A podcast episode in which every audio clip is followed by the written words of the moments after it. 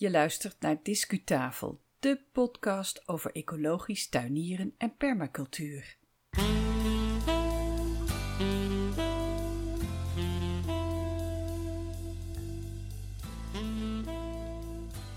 Hoi, leuk dat je luistert naar de 59ste aflevering van Discutafel podcast.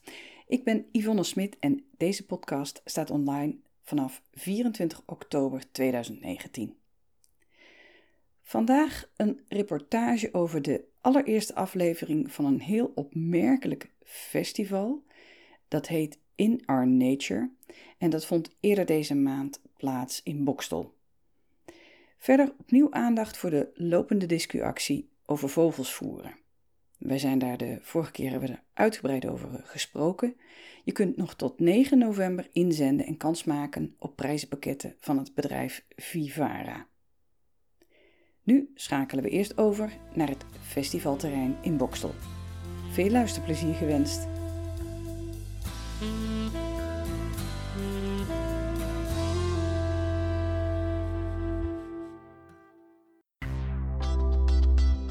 Discu-reportage. Ach, konden we de aardkorst maar stoppen, als een paar sokken na honderdduizend stappen. Uit die broeierige huls het vuil afkloppen, binnenste buiten de voetafdruk eruit te rappen.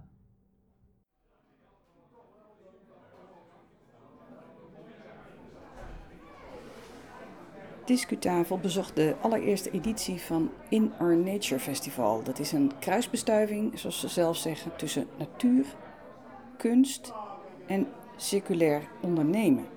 Dus dat is wel een bijzondere combi. En dat vond plaats op 9 en 10 oktober bij de Kleine Aarde in Bokstel. Op de achtergrond hoor je het geroezemoes daar.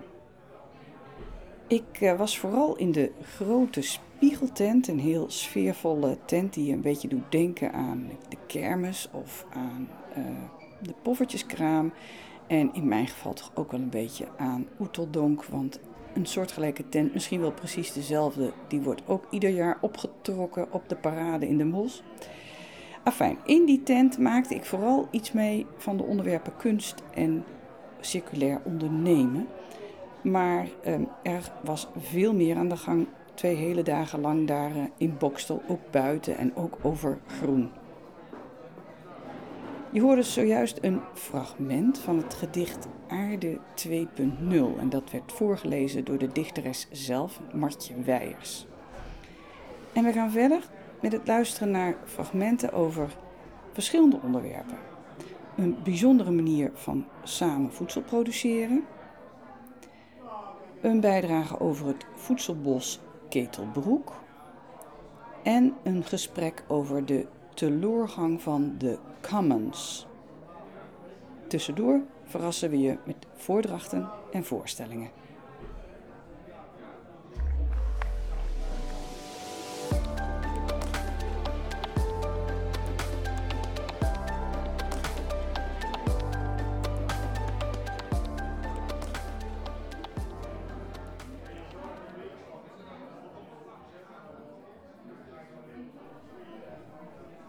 Project Herenboeren is je misschien wel bekend.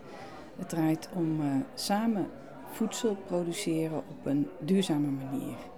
Geen afhankelijkheid van de bank of van de overheid, maar wel goed zijn voor de bodem en voor de biodiversiteit en voor de samenleving. Het werkt eigenlijk heel in het kort zo dat particulieren investeren in een boerderij en een professionele boer die verbouwt dan hun voedsel. We hebben onze Engelstalige aflevering nummer 48 alles helemaal gewijd aan dit initiatief. En deze aflevering die staat online sinds 13 juni 2019 en die kan je natuurlijk gewoon terugluisteren. Op het festival Inner Nature was initiatiefnemer Geert van der Veer van eh, de Herenboeren te gast. En vandaag in deze aflevering van Discutafel podcast concentreren wij ons wat de herenboeren betreft vooral op een, een leuk fragment over uh, als hij vertelt uh, waar hij eigenlijk dat idee voor herenboeren ineens uh, heeft gekregen. En dan gaan we verder luisteren naar een vraag uit het publiek en de manier waarop Geert van der Veer daarop antwoordt. Eerst introduceert gastheer Merlijn Twaalfhoven de spreker Geert van der Veer.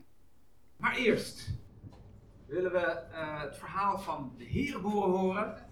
Geert van der Veer, fijn dat je er bent. En uh, superleuk om jou het uh, woord te geven en te vertellen over het project. Nou, dankjewel voor de uitnodiging. En ook fijn dat ik hier mag, hier mag zijn.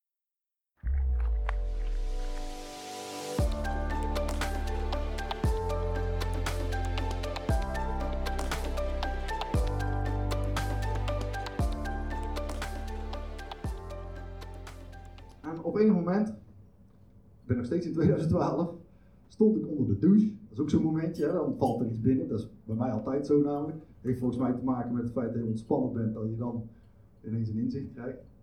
En toen dacht ik, verrek, het zou toch mooi zijn als elke Nederlander zijn eigen boerderij zijn eigen voedsel zou voorzien. Alleen, ik snap ook heel goed dat we de notaris en de schooldocenten en de schilders ook nodig hebben. Dus dat gaat er niet worden. Maar wat nou als we Nee, hoeveel Nederlanders hebben we nou nodig om een professioneel agrarisch bedrijf in de benen te helpen? En dat bedrijf voorziet dan die mensen in hun eten. En dan zeg ik een paar dingen. Het moet wel gaan om een professioneel bedrijf. Wij zijn gewoon, van alle herenboerderijen, zijn gewone agrarische bedrijven. Volledig. Alle regeltjes gelden. Wij hebben ook gewoon ons te houden aan wat er vandaag allemaal in de krant staat en gebeurt. Um, dus het moet wel professioneel. Dus we, uh, uh, en het moet wel volhoudbaar zijn mag ook niet helemaal van vrijwilligheid afhangen. Het zou wel mooi zijn als mensen daar konden helpen als ze daar zin in hebben. Maar als ze dan allemaal thuis blijven omdat het slecht weer is, moet het eigenlijk wel door. dus toen hadden we bedacht, oké, niet iedereen heeft zijn eigen boerderij, maar hoeveel heb ik er nou nodig als die boerderij die mensen in hun eten moet voorzien? Nou, dat bleek het concept van de herenboeren.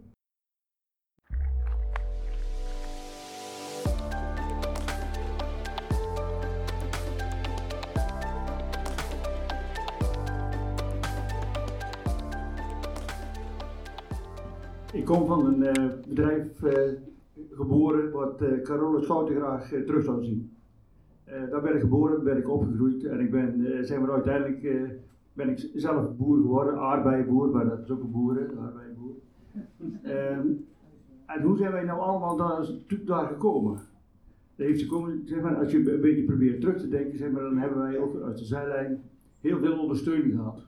En ik denk, zeg maar, hè, als het echt een schaal wordt die de moeite waard is, zijn we niet echt, dan heb je een uh, onderwijs heb je nodig, je hebt kennisuitwisseling nodig, je hebt onderzoek nodig. Dus je moet, eh, eigenlijk moet er een systeem komen, zeg maar, dat ondersteunend werkt zeg maar, aan dit soort ontwikkelingen. En dat is zeg maar, eigenlijk wat bij ontbeert. Uh, er wonen 17 miljoen mensen in Nederland. Uh, als die allemaal op deze manier gevoed moeten worden, hoe ziet het Nederland eruit? Dat is ook wel een aardige vraag uh, voor, uh, om te beantwoorden, denk ik. 17 miljoen mensen. Ah, ik kan die wel pakken, maar ik vind het ook wel leuk om op jou eerder op uh, pleidooi te reageren. Ik ben er voorstander van. Doe, als je wil, maatschappij zeker even, doe het met ons. Maar doe het met willekeurig wat. Maar laat het, pak nou eens iets vast en ga daar eens volledig op door. Want weet je, er is iets in de wereld van de overheid, dat heet dan rechtmatigheid. Dus iedereen, elk klein initiatief moet evenveel aandacht kunnen krijgen. Hè? Maar als we nou eens over doelmatigheid gaan hebben, dan zeggen we, we zetten de schouders eronder, dat wat jij zegt, om die infrastructuur die daarvoor nodig is, eronder door te bouwen. Dan zeggen we, we gaan gewoon eens een keer eens iets optillen. En dat is niet bij een projectsubsidietje klaar. Nee, dan moeten we gewoon jarenlang geld in pompen. Want de Universiteit van Wageningen moet aan de slag. Want de, de, nou, wij hebben dat gezien. We hebben op dit moment uh, samenwerkingsovereenkomsten met Wageningen Universiteit, met de Universiteit van Utrecht, met het Copernicus Instituut om precies te zijn. We hebben een samenwerkingsovereenkomst met het Louis Bolk Instituut. En sinds kort, daar ben ik heel blij mee, met de TU in Eindhoven. Want ook mechanisatie, robots, drones, kan heel veel gaan betekenen in ons verhaal. Alleen, dan kom ik weer, dan heb ik ze allemaal mooi in een e-mail uh, uh, aan elkaar gebonden.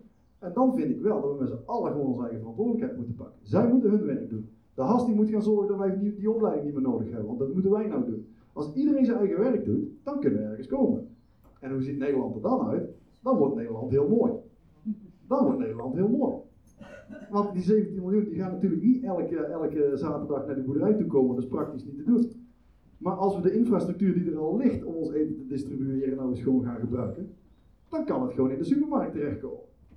Dus het gaat er mij om dat we dit zien, dat we daarop voorsorteren. En ik nodig continu over waar ik sta iedereen uit om mee te doen. Want dit gaat niet vanuit één puntje.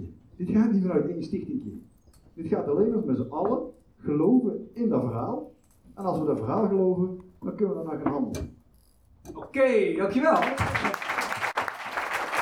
Heel fijn. En nou een eh, wat korter onderdeel van het eh, festival waar ik je iets over wil laten horen.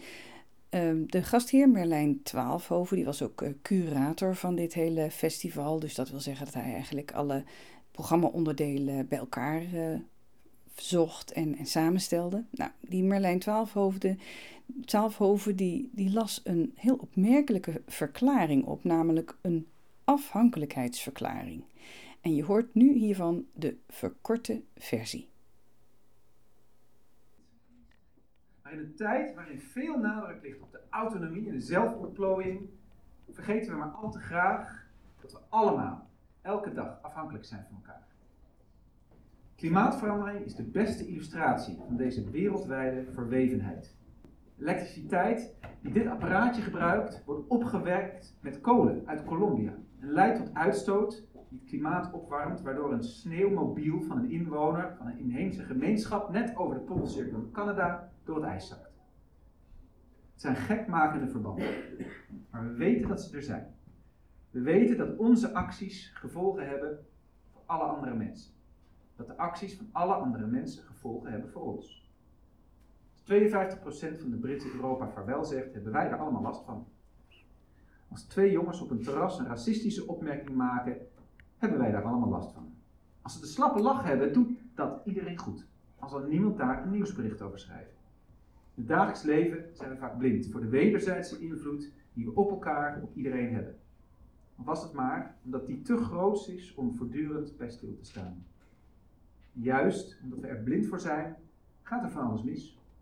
Verpietert wat gemeenschappelijk is, vergeten we wat we delen, dat we van elkaar afhankelijk zijn en dat dat mooi is. Wat zou er gebeuren als we onze onderlinge afhankelijkheid juist bezingen? Laten we een afhankelijkheidsverklaring maken. Laten we onze onder, onderlinge afhankelijkheid niet behandelen als randverschijnsel of hindernis die overwonnen moet worden, maar vieren.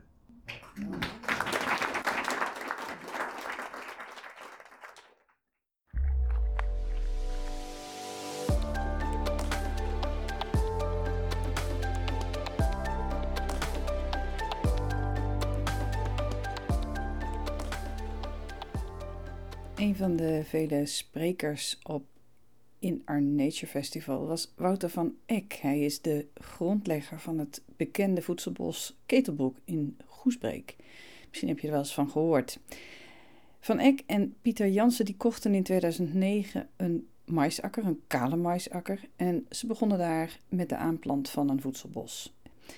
Nu staan er ongeveer 400 soorten en de meeste daarvan zijn eetbaar. Intussen kent het gebiedje ook een opvallend grote biodiversiteit, vertelt Wouter van Eck. Dat ga je zo direct horen. En daarna komt een mooi gesprek op gang over herenboeren en voedselbossen in relatie tot het oude idee van de gemeenschappelijke gronden, ofwel de meent.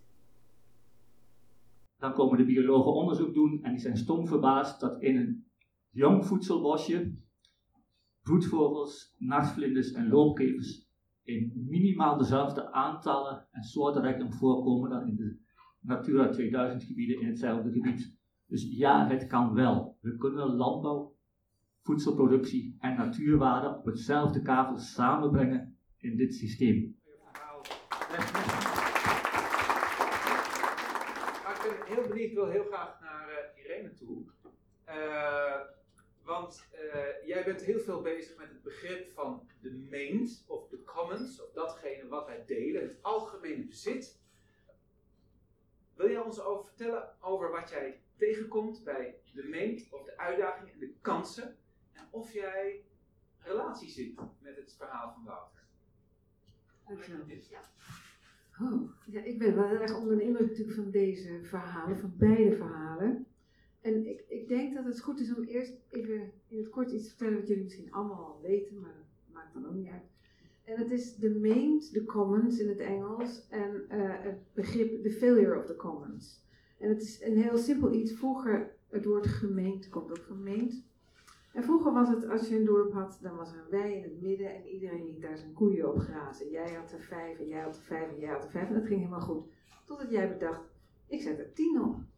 Dat is wel gunstig. En dan gaat het dus fout. Dan krijg je een failure of the commons. En dat, daar zitten we met ons hele Nederland natuurlijk nu middenin. Dat het niet meer kan. En dat we ook... En ik kom dan vanuit de stedenperspectief, dus dat is anders. Hè? Maar de, nou, eh, ons gevoel van... Wat uh, die ruimte of dat land, wat, dat eigenlijk van ons allemaal is. Die planeet is natuurlijk van alles en iedereen. Niet alleen van de mensen, maar ook van de dieren en van alles. Maar we hebben een heel gek eigendomsbegrip ontwikkeld. En ik hoor zowel bij het herenboerenverhaal als bij jouw verhaal daar een ander perspectief in. Uh, dus dat commons verhaal zit ook in die herenboer natuurlijk heel erg, want je doet het met elkaar en het is ook van elkaar. En je deelt de verhalen en je geeft het door en je hebt ook allemaal een gelijk deel. Jouw verhaal is, uh, één aspect weet ik daar nog niet van. Het is natuurlijk een heel mooi verhaal en het is van jou, het is jouw bos en, hè, en je oogst erin. En hoe als je nou niet dat, uh, die onafhankelijkheid had um, om dat zo te kopen, uh, hoe kom jij, hoe is dat van iedereen? Of hoe komen de klanten daarbij? Of hoe uh, is jouw uitwisseling met de wereld? Behalve dan dat je goede lucht maakt en dat je goede dingen doet voor biodiversiteit. Dat is allemaal.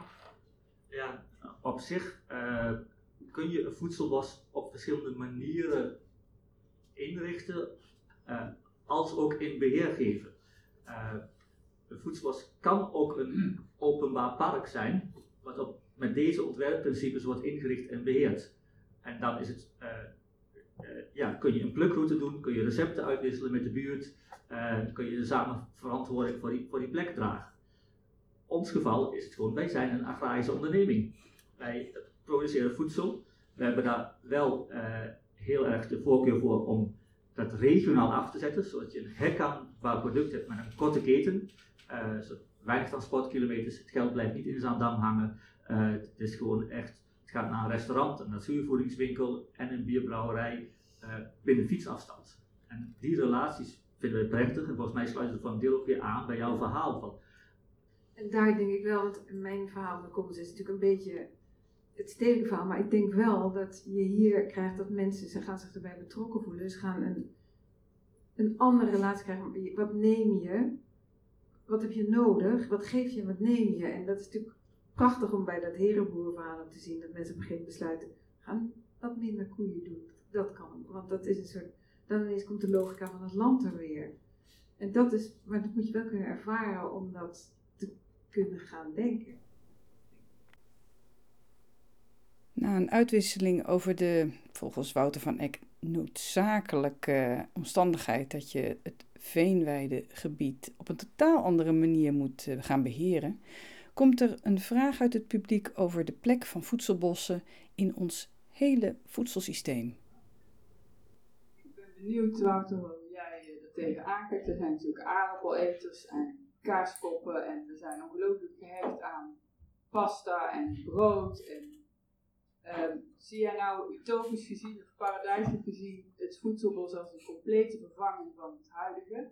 Of zal er altijd daarnaast nog op een andere manier voedsel geproduceerd ja. moeten worden? Uh, hoewel ik dus net even wat, wat stevig uh, punt wilde markeren over historische landschappen, uh, ben ik nou weer een stuk milder. Ik hou ook wel van patat. Er mag best iemand biologische aardappelen naast een voedselbos of op een open plek. hoewel verschuiving van ons dieet van meer plantaardig, meer groente, meer fruit, meer van vaste planten in plaats van uh, planten die omvoelen van de bodem nodig hebben, is wat precies ook het rapport van, uh, van de Lancet in januari, het uh, ja, Healthy Planet, Healthy Diet, van wat is het gezonde dieet voor onszelf en wat is het gezonde dieet voor de planeet. En dat is veel meer plantaardig, veel meer planten dan we kennen, die dus ons dieet verrijken en smakelijk kunnen maken. Topkoks die prachtige recepten ontwikkelen en daarnaast nog gewoon een patatje. Oh, dankjewel. Drie kwartier om de wereld te redden. Welkom bij Season Show. Wat fijn dat jullie kijken. In deze spelshow probeert elke week een andere beroepsgroep met de ultieme oplossing te komen voor het klimaatprobleem. Welke expertpanel vindt een oplossing die ons toch nog kan redden? Is dit het laatste seizoen seizoen van deze tv-show of van de aarde. Er staat dus veel op het spel. Twee weken geleden zagen we hoe de vakkenvullers dicht bij de oplossing kwamen. Vorige week zagen we hoe de chirurgen jammerlijk faalden. Deze week is het aan de de meme-spelers. Maar nu, hier zijn ze, de dichters. De drie kwartier gaan nu in.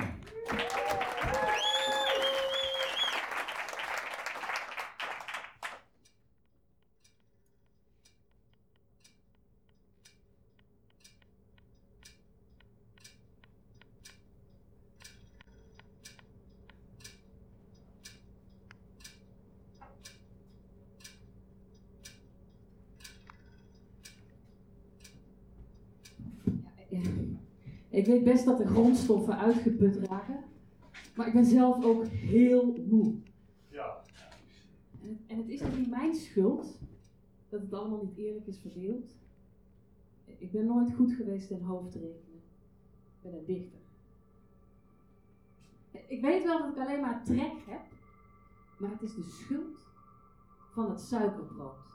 Ja. Het is te lekker en te goedkoop. Kijk, voor heel weinig geld kun je heel dik worden. En dat is nodig met al het schuldgevoel dat aan ons. Zoals eh, eerder vermeld ging het festival In Our Nature over de ontmoeting tussen circulair ondernemen, kunst en natuur. Nou, zojuist hoorde je het begin van een werkelijk indrukwekkende voorstelling, getiteld The Final Season Show. En hierin moesten drie dichters de oplossing zoeken die de wereld moet redden. Nou, de drie dichters, Martje Weijers, Merlijn Twaalfhoven en eh, Merlijn Huntjes, die deden meerdere pogingen, maar helaas, ze faalden jammerlijk. Dat wil zeggen, in dat fictieve spelprogramma dan, want de voorstelling zelf, daar heb ik ontzettend van genoten. Ze gebruikten echt prachtige taalpatronen.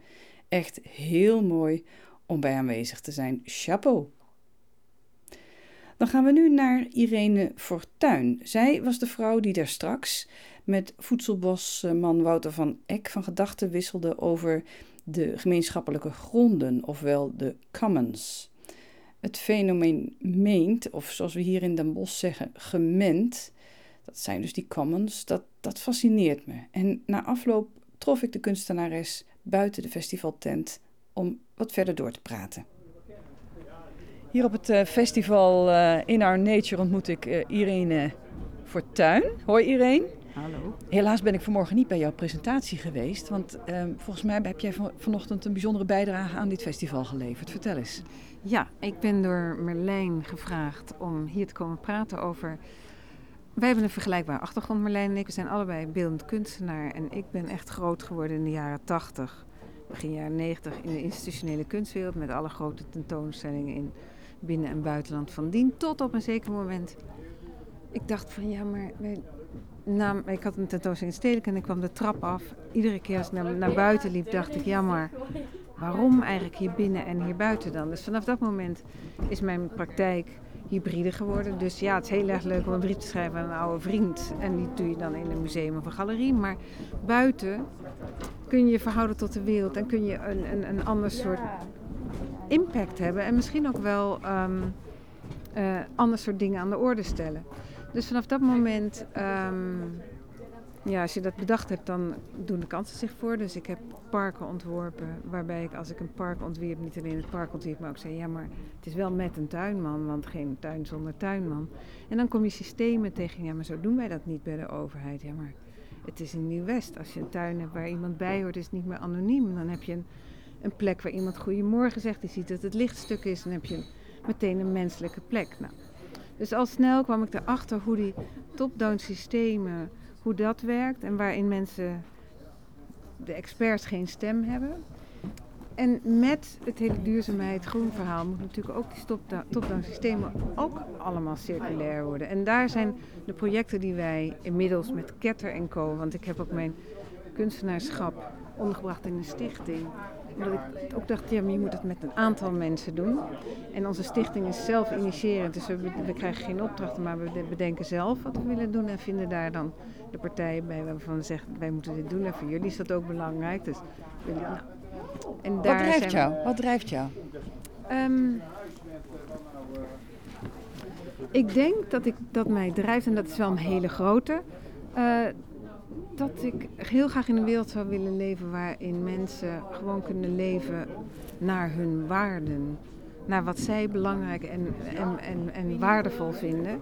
En we hebben een systeem met elkaar ontwikkeld waar je eigenlijk, waar heel veel mensen niet anders kunnen dan hun waarde inleveren voor een bestaan en voor een, paar euro's of veel euro's in sommige gevallen. Maar dat het heel erg moeilijk is om te leven volgens je waarde. Terwijl we allemaal, als je mensen individueel vraagt wat is belangrijk, dan krijg je eigenlijk een uni uniforme waarde die gewoon menselijke waarden zijn.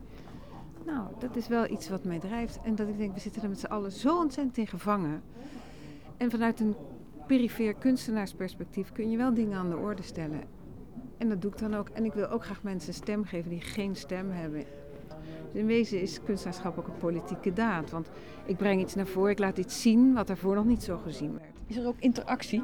Ja, in mijn uh, dingen zeker. Ik ben nu ook, we zijn met één project bezig met Ketter en Co. Dat heet Tuinbaas. En dan werken we samen met alle tuinmannen van Amsterdam. Die normaal geen heel erg weinig gehoord worden, maar die wel de kennis hebben. En daarin proberen we ook van om to team up met hun, proberen we hun een stem te geven, naar hun te luisteren en van daaruit dus te helpen om een systeem te veranderen en om ook een, een beter werkende commons te ontwikkelen, een beter werkende gemeente. en um, ook te kijken van hoe kan je nou, je woont in een stad waarbij de stedelijke problemen heel erg groot zijn in de zin van, er is waanzinnig veel eenzaamheid, het is heel erg raar. Zijn heel veel mensen, het een van de rijkste landen van de wereld, hartstikke druk is. gigantische eenzaamheid. Ja. Uh, er wordt achter elkaar bezuinigd al jaren, jaren, decennia lang op het onderhoud van het groen. Terwijl groen nog nooit zo belangrijk is gevonden en breed gedeeld belangrijk wordt gevonden als in deze tijd. Heeft dat er ook niet iets mee te maken dat mensen die, die, die, die buitenwereld, die begint eigenlijk buiten het hekje van je eigen tuin, of buiten het portiek van je eigen flat, dat zien ze niet meer als iets van zichzelf. Nou, dat, daar ging het dus vanochtend ook over. Ja, dat is, een heel erg, dat is heel erg ook mijn vraag van hoe kun je weer zorgen dat er een gevoel van eigenaarschap is. En dat we niet denken, ja, maar ik heb belasting betaald, daar moet iemand anders voor zorgen. Dat we met het grootste gemak veganist zijn, maar wel peukje gewoon op straat gooien en uittrappen. Het gaat er wel om een ander soort begrip. Dat als we er weer, weer kunnen zien dat die wereld is van ons allemaal en ergens voor zorgen is, een, uh, is eigenaarschap. Niet de euro's voor betaald hebben. En daar in, in dat soort. Zorgen... Eigenlijk vind ik, als ik het zo hoor, heb jij een hele klassieke rol van kunstenaarschap weer teruggepakt. Ik denk dat dat ook een hele klassieke rol is. Dankjewel, ja. Irene. Ja. Dankjewel. Okay. Daarmee zijn we zo'n beetje aan het einde van de reportage van In Our Nature Festival de allereerste editie van dit duurzaamheidsfestival in oktober 2019. Ga voor meer informatie en links naar de shownote die bij deze podcastaflevering hoort en die vind je zoals altijd op discutafel.nl. En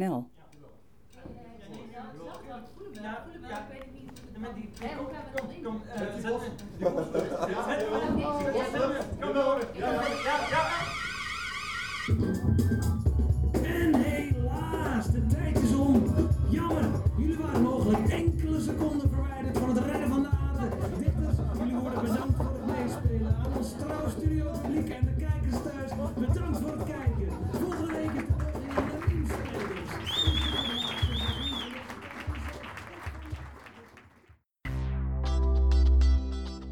Discuslot. Nou, met deze reportage heb je een indruk gekregen van het, uh, ja, wat toch wel heel bijzondere karakter van dit festival In Our Nature. Ik ben benieuwd of er in 2020 een nieuwe editie wordt georganiseerd.